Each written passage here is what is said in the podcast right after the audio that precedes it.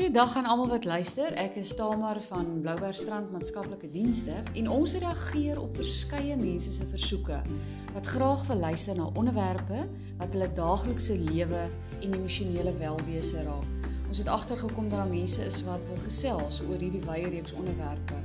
En daarom het ons gedink om hierdie podcast reeks te begin, die rooi bank. Sommige hier op die rooi bank waar ons sit en gesels en luister is wat ons hier doen.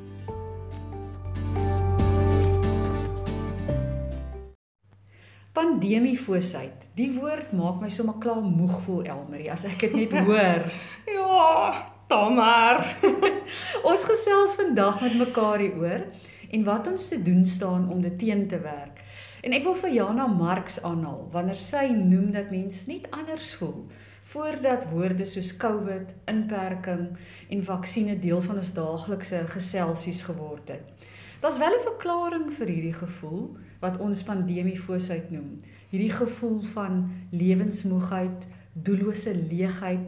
Jy voel nie depressief nie, maar jy floreer ook nou nie eintlik nie. Kom ons trek weg met die verklaring hiervoor. Waar staan jou gedagtes hieroor? Sjoe, maar ek dink dit word veroorsaak deur 'n kombinasie van faktore. Jy weet daar's so baie onvoorsiene eise wat deesdae aan ons gestel word dat dit nie vreemd is dat mense so sal voel nie. COVID-19 impakteer elkeen van ons en al dink mense dalk nie so nie, is dit nog steeds so. Uh dis die tema van om partykeer hulpeloos te voel, sonder hoop te wees, oorweldig te word deur wat om jou gebeur het en nog steeds gebeur. In Suid-Afrika is dit 'n nasionale ramp soos ons nog nooit ervaar het nie. Ons moenie dit vergeet nie. En daarmee saam gaan angstigheid en die ervaring van verlies en rou. Dit is die een ding wat ons almal in gemeen het. Ehm um, en dit is dat ons verlies ervaar. Al verskil dit van mekaar. Is nie net pleinweg verlies nie, dis dramatiese verlies.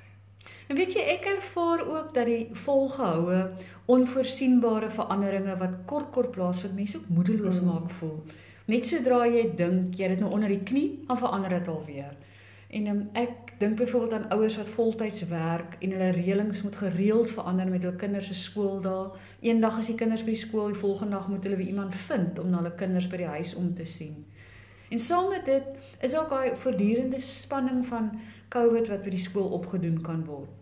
Studente wat aanlyn moet studeer, dink ek raak bitter eensaam en vind die druk oorweldigend met tye.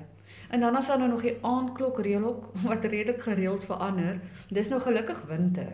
So mense verkies om nou saans eerder by die huis te bly waar dit warm is, maar die gevoel van inperking dink ek word nog steeds intens ervaar. Hmm. Ja, sodra ons uitsien na om almal weer by die kerk te verwelkom en deel te wees, dan word die getalle weer beperk. Eh, dit infiltreer letterlik alle vlakke van wie ons is om in verbinding met ander mense te kan wees is belangrik, veral in hierdie tye. We are all in this together. En dit is die gemeenskaplike faktor wat ons almal met mekaar verbind. Ja, jy stel dit so mooi. We are all in this together en dis presies wat dit is. En hierdie pandemie gaan nie binnekort verdwyn nie. Ek dink dit is redelik veilig om te sê dat dit nog 'n lang tyd deel van ons lewe gaan wees. COVID is nie meer net 'n siekte nie. Dit het gesigte, En die gesigte het name en ons ken die name. Ja, is daarom ehm um, is dit belangrik om te weet hoe om hierdie gevoel van emosionele moegheid bietjie te te werk. As 'n predikant sou ek voorstel dat mense 'n lysie optrek van al die goed waarvoor jy dankbaar is. So dankbaarheidslys is 'n ongelooflike tool. Mm. Dit het die vermoë om jou gemoed te verander en 'n mens meer optimisties te laat voel. Probeer tyd vind om 'n aktiwiteit te doen wat jy geniet of doen iets betekenisvol elke dag. Om betekenis te vind in dit wat met jou gebeur, maak dit 'n mens vorentoe kan bly aanhou beweeg. Oefening is baie goed. Ek hou van stap. Uh, maar enige oefening is fantasties. Doen iets kreatief as dit jou geval soos om in te kleur. Mens kan deesdae volwasse inkleurboeke sommer by Pick n Pay enige plek koop. Verf, sing in die stort, skryf. Ek kom agter ek skryf ook deesdae meer hou 'n mood journal. So bly jy verantwoordelik teenoor jouself wanneer jy agterkom dat jy eerder met iemand anders hieroor moet gaan praat en hulp moet kry. Dink aan wanneer laas jy na jou gunsteling sanger of sangeres geluister het. Gaan luister weer na van jou gunsteling liedjies uit die 70s of 80s. Lees 'n boek. Daar's soveel onderwerpe om van te kies op audioboeke deesdae. Hou op om te wag totdat jy gaan beter voel. Ja. Jy is die een wat die verandering moet aanbring. So waar. En ek wil graag hierby aansluit. Plaas afstand tussen jou en die goed wat te hou vas emosioneel op jou kan kry. Dink dalk bietjie oor die manier hoe jy reageer teenoor ander mense.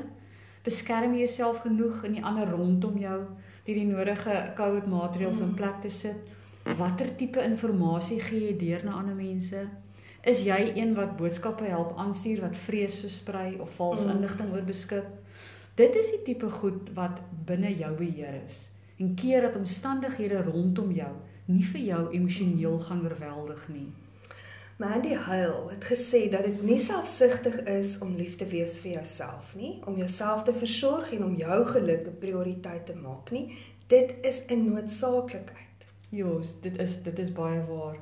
Dit was nou 'n lekker gedagte uitruil met jou om te weet dat daar wel iets is wat ons positief kan verander aan wat met ons gebeur. Dankie Elmarie.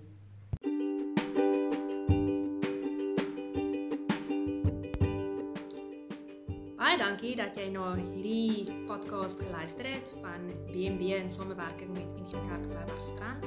As jy voorstel het vir nog onderwerpe of vrae het, is jy welkom om ons te kontak. Jy kan vir Tamar kontak by webwerf of jy kan 'n e-pos stuur aan kantoor@ngkbloubergstrand.co